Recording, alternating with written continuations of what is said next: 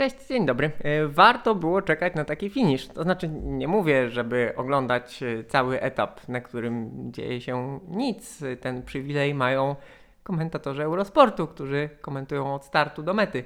Ale tak czy inaczej, e, sam finish genialny. Po takiej rozgrywce czystej, bez utrudnień, po długim dojeździe do mety, prostym, szerokim, gdzie każda drużyna może się ustawić i rozprowadzić swojego sprintera. Ten, kto wygrywa, no chyba jest najlepszym sprinterem w tegorocznym Giro d'Italia i jest nim Arno Temare. Ja nazywam się Marek Tyniec i codziennie wieczorem komentuję dla Was najważniejsze wydarzenia na Giro d'Italia.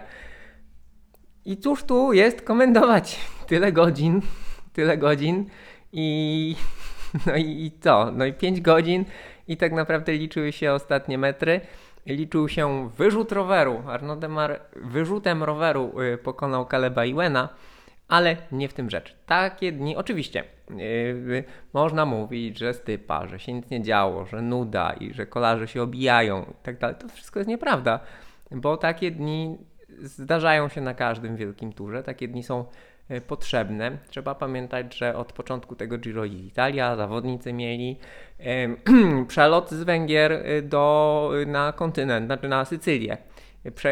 Przejazd, przepłynięcie promem z Sycylii na kontynent. W związku z tym, nawet jeżeli tych dni wiele nie było, to mieliśmy finisz na Etnie, czasówkę, ten y, ciężki finisz na pierwszym etapie na Węgrzech.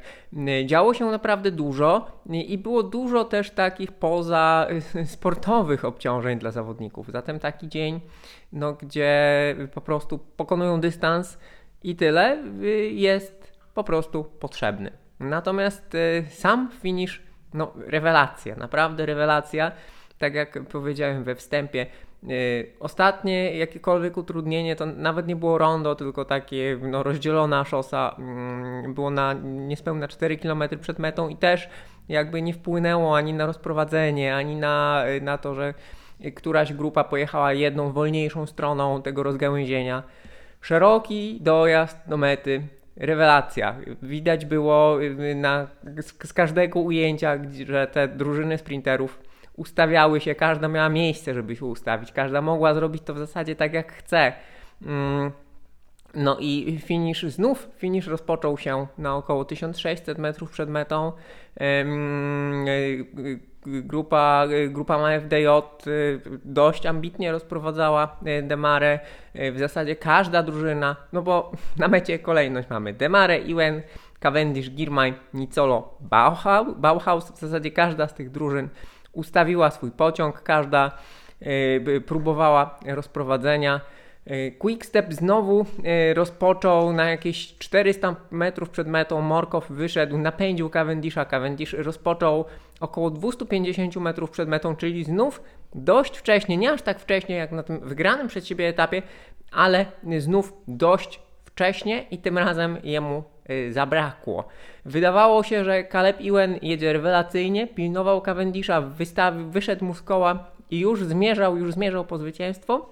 Y, Demare był nieco zablokowany przy barierkach po lewej stronie drogi i był w stanie jeszcze objechać wszystkich, objechać Cavendisha, objechać Iwena i wyrzucić rower y, tak, aby wygrać. No i ma zwycięstwo drugie z rzędu.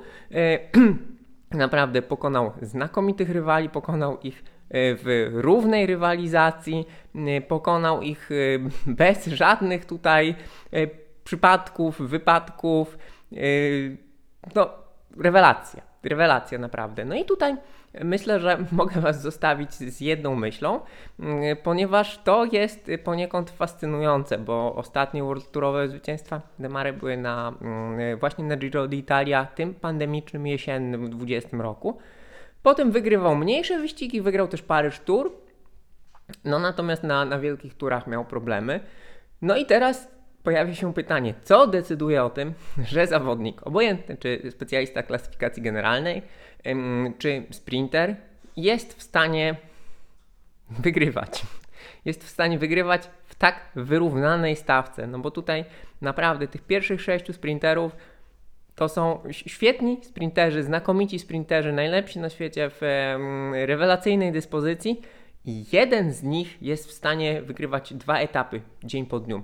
To są jakieś zupełnie, e, no, faktycznie minimalne różnice, minimalne kwestie związane z determinacją, z, e, z decyzjami podejmowanymi w ułamkach sekund, e, które decydują o zwycięstwie i porażce. No i tutaj zwycięstwo, zwycięstwo odnosi Arnaud de Mare. Naprawdę, naprawdę jest to imponujące. Ten finish można oglądać, odtwarzać wielokrotnie. E, polecam Wam to, zachęcam e, do przeanalizowania tego bardzo uważnie, właśnie która drużyna którym miejscu e, znajdowała się na prowadzeniu, to, ten, to, ten, to wczesne rozpoczęcie finiszu przez Cavendisha, ten moment, kiedy on już widział i czuł, że brakuje mu sił, ten moment, kiedy Caleb Ewan już był prawie, prawie pewny, że odniesie zwycięstwo, no i Demare objeżdżający swoich rywali, i wyrzucający rower. Naprawdę piękne, znakomite zwycięstwo. No a jutro, jutro mamy zupełnie inne emocje.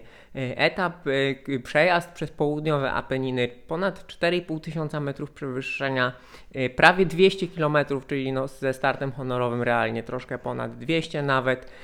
Dużo gór, stromo do mety, to może być jeden z kluczowych etapów na tym Giro. Oczywiście wszystko zależy od tego, jak kolarze do tego podejdą, no ale teren będzie sprzyjał, będzie sprzyjał ucieczce, będzie sprzyjał ofensywnie, ofensywnej jeździe ym, faworytów klasyfikacji generalnej, zatem szykujcie się na wielkie sportowe emocje. Dzięki wielkie, do zobaczenia, do usłyszenia.